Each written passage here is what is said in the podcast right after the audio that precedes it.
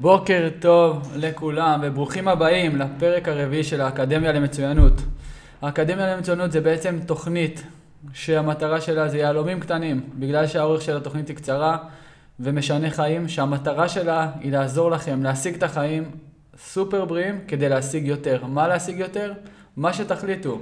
הצלחה בעסקים, הצלחה בעבודה, הצלחה עם בני זוג, מערכות יחסים, הצלחה בכל דבר שתרצו. אנחנו מאמינים שכל בן אדם יכול לשפר את איכות חייו ולחיות חיים מעוררי השראה. ואנחנו עוזרים לאנשים, אנחנו מובילים אותם באמצעות פעילות גופנית שהיא בריאה, פעילה ומאוזנת, כדי שתוכלו להשיג יותר, כל יום, כל הזמן. אז בפרק של היום יש לנו פרק מדהים שמדבר על נושא של תזונה. אני יודע שמלוא האנשים, או רוב האנשים בעולם, מאוד מעניין אותם הנושא של תזונה, כי הם מחפשים את הדרך שלהם או את השביל שלהם בחיים, שהתזונה תוכל ללוות אותם ותעזור להם להשיג את המטרות והיעדים שלהם. אבל למה רוב האנשים לא מצליחים? אין לזה תשובה חד משמעית, כי בסוף הדרך, אני מאמין שהדרך הארוכה היא הדרך הכי טובה. מה שכל הזמן עושים ועובד, זה הדרך הכי טובה. בגלל זה אני מאוד מאמין בקלישאות. קלישאות זה משהו שנאמר שוב ושוב, אבל הוא חוזר על עצמו, הוא חוזר על עצמו והוא חוזר על עצמו כי הוא נכון. ואנשים לא מצליחים לרדת לסוף דעתם של מי שאומר את הקלישאות האלה, כי זה שחוק. כולם אומרים את זה, כמו המילה התמדה. מידה התמדה זה מילה שחוקה. אבל נשים את זה שנייה בצד ונתרכז בנושא של היום. בנושא של היום, בפרק של היום, יש לי שלושה טיפים לתת לכם לתזונה משופרת. ואם יש דבר אחד שהייתי רוצה שתזכרו מכל הפרק הזה, זה משפט אחד. אי אפשר לאמן תזונה גרועה. אי אפשר לאמן תזונה גרועה. ומה זה אומר? אני אספר לכם סיפור. כשאני הייתי בן 18, בדיוק לפני שהתגייסתי לצבא, הייתי מתאמן כל יום. לא היה לי הרבה מה לעשות, הייתי עובד, שעות מאוד, שעות מאוד ספורות ביום, אבל רוב הזמן היה לי פנוי. אז אמרתי, טוב, לפחות ננצל את הזמן. זו פעם ראשונה שעשיתי לעצמי מנוי לחדר כושר, ההורים שלי בחיים לא אמרו לי, אתה רוצה להירשם לחדר כושר, לא הניעו אותי לעשות שיהיה פעילות גופנית, וזה בא מעצמי. אפילו הייתי הולך ברגל, איזה משהו כמו רבע שעה עשרים דקות הלוך, רבע שעה עשרים דקות חזור מהחדר כושר, כי לא היה לי אז רכב. אמ, ובעצם הייתי מתאמן כל יום, כל יום, ופשוט לא ראיתי את התוצאות שראיתי. אמרתי, אני קורע את התחת, אני מתאמן שש פעמים בשבוע, אני רץ גם תוך כדי, אני עושה אימוני משקולות ולא מצליח להתקדם למטרה והיעדים שלי, אני רוצה ריבועים בבטן. לי היה חשוב, בגיל 18, אני רוצה ריבועים בבטן. והייתי מוכן לשלם כל מחיר, אם זה אומר להתאמן שש פעמים בשבוע, אם זה לעשות את כל מה שצריך. אבל היה חסר לי משהו אחד. וזה הנושא של התזונה.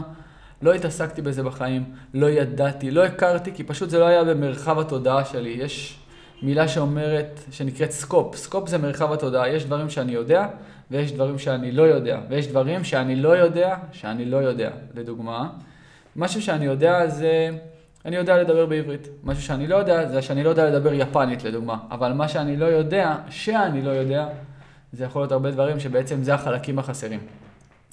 ולא ראיתי תוצאות כי לא הכנסתי את הנושא של התזונה לאורח חיים שלי ולא הכנסתי אותו, לא השתמשתי בו ככלי שאמור לשפר את האימונים שלי, לשפר את הבריאות שלי, לשפר את ההרגשה, את האנרגיה, כל דבר שנרצה. הרמב"ם היה אומר, אה, יהיו, רפוא, יהיו מזונותיך רפואתך ויהיו רפואתך מזונותיך. בעצם מה זה אומר? אנחנו היום, היום עם כל המחקרים האחרונים, הכל מראה בצורה באמת כמעט אבסולוטית שתזונה נכונה היא הפתרון כמעט לכל המחלות הקיימות. בסופו של דבר זה מה שאנחנו מתדלקים איתו את הגוף.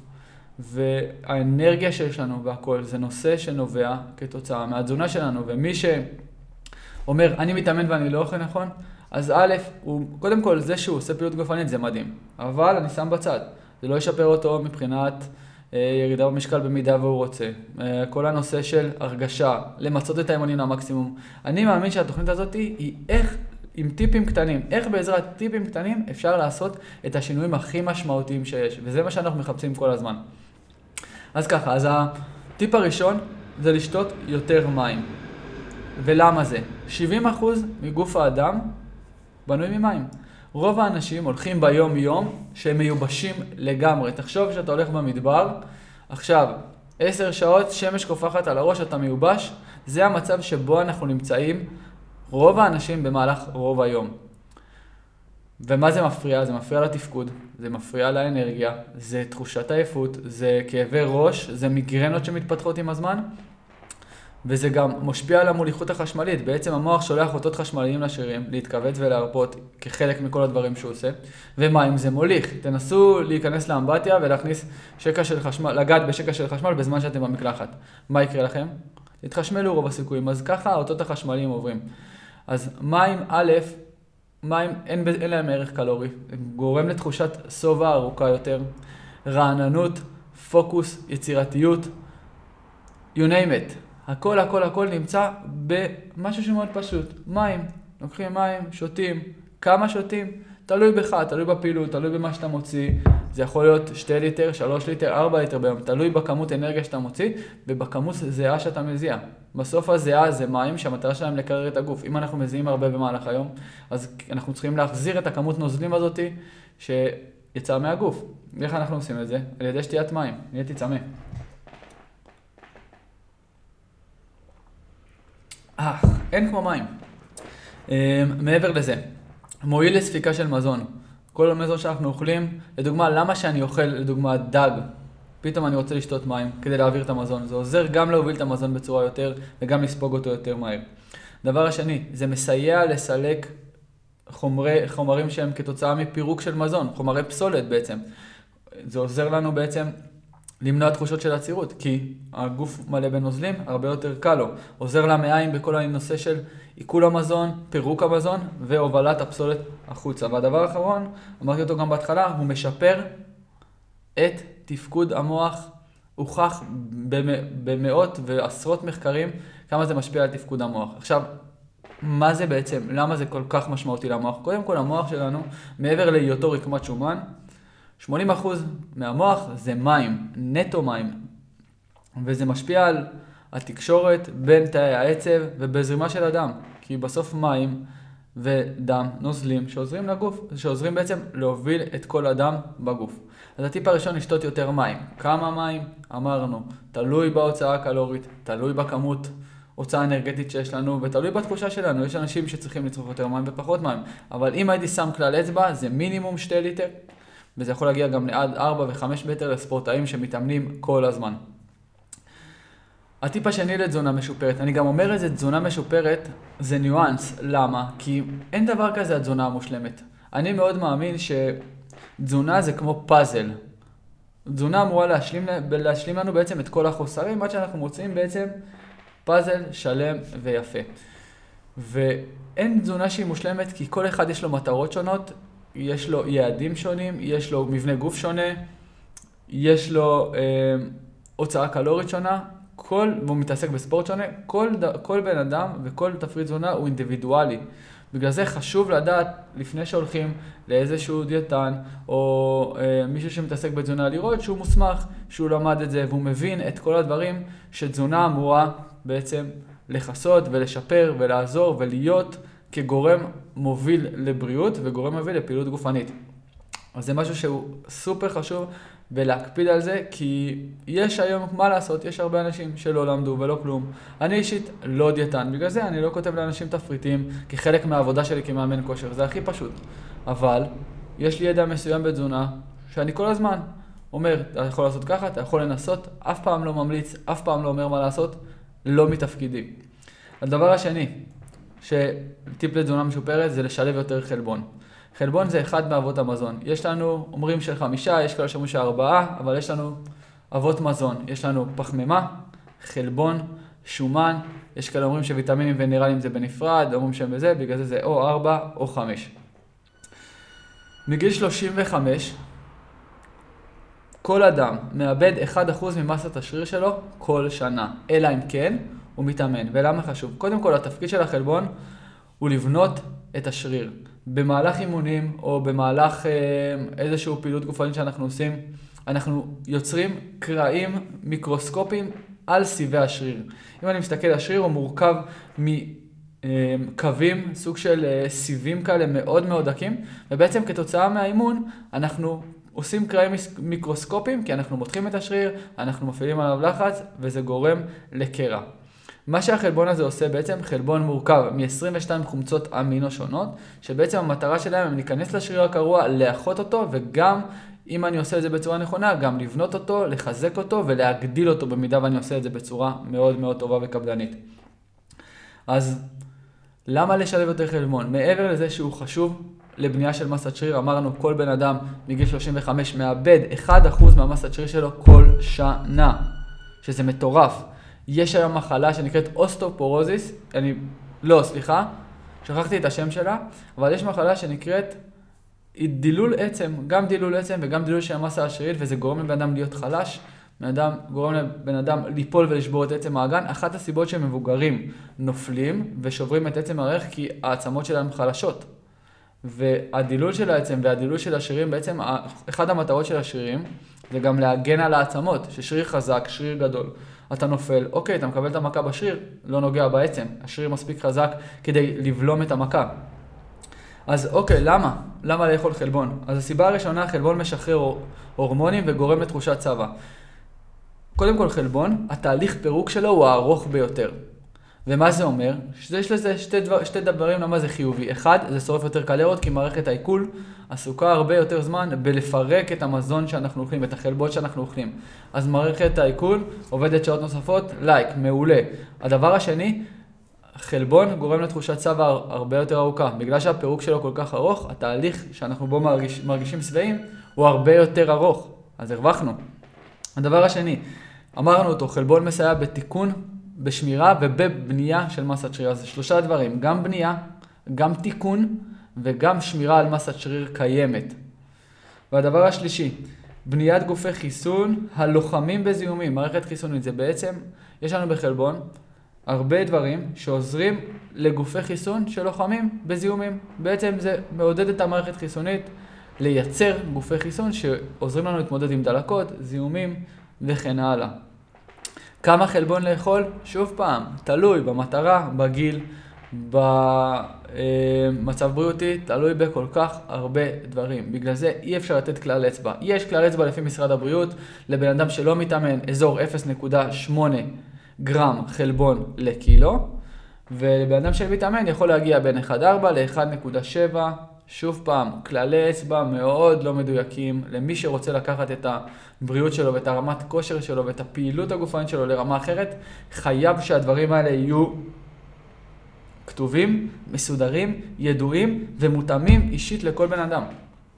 לא להוריד עכשיו תפריט מהאינטרנט ולהגיד עם זה אני אעבוד. אתה יכול לעשות את זה. להגיד לך שזה יביא אותך לתוצאות האופטימליות? ממש לא. אנחנו בתוכנית הזאת רוצים לתת, להביא אתכם למצב האופטימלי כדי שתוכלו חיים סופר בריאים. וסופר בריאים זה אומר ברמה הכי גבוהה שיש, רמת חיים הכי גבוהה שיש, איכות חיים הכי גבוהה שיש. והדבר השלישי, לעקוב אחרי הקלוריות שלך. ספירת קלוריות. ספירת קלוריות, עם כמה שזה נשמע מקביל, זה החופש הכי גדול שיש. מרגע שהבנתי את זה, בגיל 25, 24, הבנתי את זה, השתנו לי החיים לגמרי. כי אנחנו רגילים לתפריטים, לפחות מי שעוסק בספורט או מי שהתעסק בירידה במשקל, שאני חושב שזה רוב האנשים, או עלייה במשקל, תמיד דובר על נושא הקלוריות באופן מובהק. תמיד היה את המשוואה של, יש לנו משהו שנקרא RMR, שזה בעצם הכמות קלוריות הבסיסית שאנחנו שורפים, בלי לעשות שום פעולה. עצם זה שאנחנו חיים ונושמים, הגוף שורף קלוריות. אז כולם היו אומרים, אוקיי, ה-RMR שלך הוא כזה. לדוגמה, אני אקח אותי, לדוגמה, 1,500 ביום אני שורף בלי לעשות שום דבר. הפעילות גופנית והאופי העבודה שאני עובד בו שהוא פיזי, שורף עוד 800 קלוריות ביום, הגענו ל-2,300. אם אני ארצה לרדת במשקל, אני אצטרך לאכול פחות מ-2,300 קלוריות כדי לרדת במשקל. אני ארצה לעלות במשקל, אני צריך לאכול יותר מ-2,300 קלוריות. ככה זה היה כל הזמן, מאוד מובנה, מאוד, מאוד strict, מאוד נוקשה, ובלי תזוזות לכאן ולכאן. במחקרים האחרונים אנחנו מבינים שאם נדע לעקוב אחרי הקלוריות בצורה נכונה, נוכל להיות הרבה יותר גמישים. לדוגמה, אני יודע שביום אני צריך לאכול 2,300 קלוריות. 2,300 קלוריות שלי יהיו מורכבות מאבות המזון, ויטמינים מינרלים, פחמימה, חלבון, שומן. כל, יש לי יעד לכל דבר, יעד יומי שאני רוצה להגיע.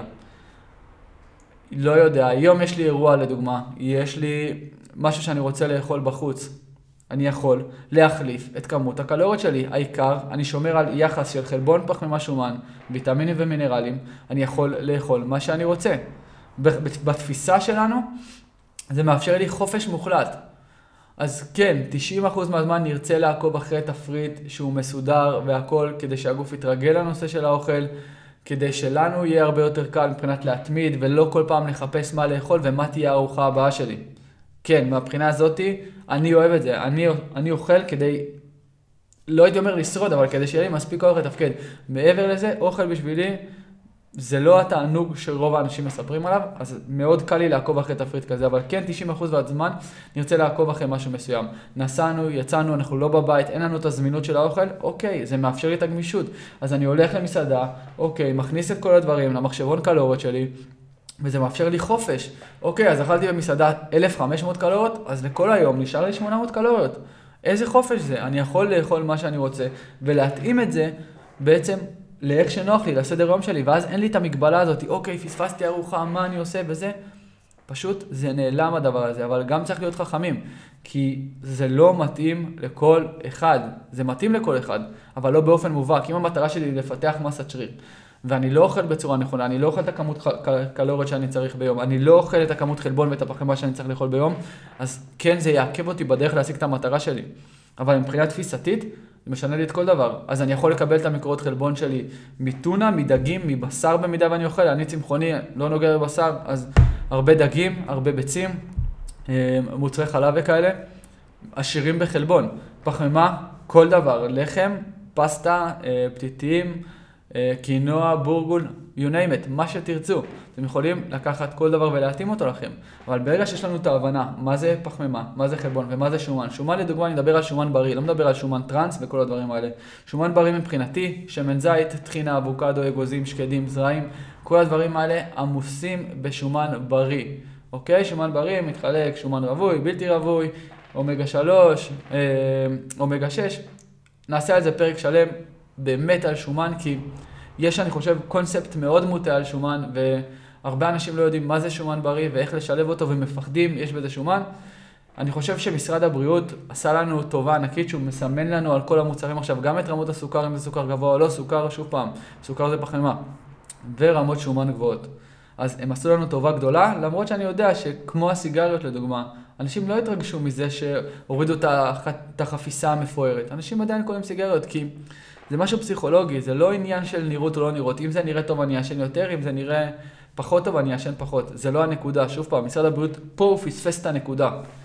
אמ, אז למה קודם כל לעקוב אחרי הקלוריות? הסיבה הראשונה היא, אתה יודע מה אתה מכניס לגוף? אוקיי, אני יודע שאני אוכל פיצה. אוקיי, פיצה זה 50 גרם פחמימה, 5 גרם חלבון ו-40 אחוז שומן לא בריא. אוקיי, אז אני יודע שאני מכניס את עצמי, לא את הדברים הכי בריאים שיש, אבל עצם זה שאני מודע כבר פותח בפניי את האופציות. אם דיברנו בתחילת הפרק על מה שאני יודע, מה שאני לא יודע, ומה שאני יודע שאני לא יודע, זה בדיוק זה. זה בעצם מוריד את המסך מעל העיניים, ובעצם מאפשר לנו לדעת מה כל דבר שאני מכניס לגוף. וזה סופר חשוב. מי לא היה רוצה לדעת מה אני אוכל, מה הילדים שלי אוכלים? אנחנו, רוב ההורים, מכניסים לילדים שלנו קורנפלקס, שוקו, מפוצץ סוכר. ילד שפותח את הבוקר עם שוקו, זה ילד שהמוח שלו משתולל, ואז. שואלים שאלות, למה ילדים מפתחים אה, HDHD? למה? ADHD? כי הרמות סוכר משתוללות להם בראש. כל הסוכר עולה ישר למוח, לזרם הדם, הם נהיים היפראקטיביים, קשה להם להתרכז, ברור. הסיבה השנייה, נדע להבדיל בין סוגי מזון, במה יש יותר חלבון, מה יותר פחמימה, ובעצם להרכיב את הפאזל הזה לעצמנו. והדבר השני, זה מאפשר את הגמישות המדהימה הזאת. כי אמרנו, גמישות, גמישות, גמישות. בין אנשים לא אוהבים להיות מקובל. אנשים לא אוהבים שאומרים להם מה לאכול. תחשבו על זה, יש לך את הגמישות הזאת לאכול מה שאתה רוצה, בתודעה, אתה לא מחפש את השוקולד, אתה לא מחפש את הפיצה, אתה לא מחפש שום דבר, כי הרבה יותר קל לך לדעת מה אתה אוכל. וזה הצפצוף שלנו, של ה-20 דקות. חשוב לי לשמור על הפרקים קצרים, איכותיים, טובים, להעביר את המסר בצורה טובה. אז אם אני מסכם את הפרק הזה, דיברנו על שלושה טיפים לתזונה משופרת. טיפ הראשון, לשתות יותר מים. טיפ השני, לשלב יותר חלבון במהלך היום. והטיפ השלישי, לעקוב אחר הכמות הקלוריות העולמית שלכם. אז אני, קודם כל, תודה רבה שהייתם איתי בפרק הזה. מי שצופה, מי שמאזין, אני חושב ואני מאמין שאם נדע לקחת את הנושא הזה של תזונה משופרת ונבין כמה הוא חשוב בכל אספקט בחיים שלנו וכמה הוא משפיע על כל דבר בחיים שלנו, אני, אנחנו נוכל בעצם לטפל כמעט בכל מחלה באמצעות תזונה. ויש היום הרבה דוקטורים בארצות הברית שמתעסקים רק בזה, קליניקות מטורפות שמתעסקות רק בנושאים של טיפול במחלות על ידי תזונה נכונה. אז ככה, אם אהבתם את הפרק ואתם רוצים לצפות לפרק הבא, אני מזמין אתכם לשתף את החברים, לשתף את המשפחה שגם יוכלו לקבל את הידע הזה, כי בסופו של דבר אנחנו רוצים להסיר את המסך מעל כולם ולתת לכולם את כל הידע הזה, שיוכלו לקבל החלטות יותר טובות, כדי שיוכלו גם הם לחיות חיים סופר בריאים ולהשיג יותר, יותר ממה שתרצו. חיים טובים יותר, איכות חיים, יותר, איכות חיים טובה יותר ומערכות יחסים יותר טובות, גם עם הילדים שלנו. אז להתראות על מצוינים. נתראה בפרק הבא של האקדמיה לצוינות. להתראות ונתראה בפרק הבא.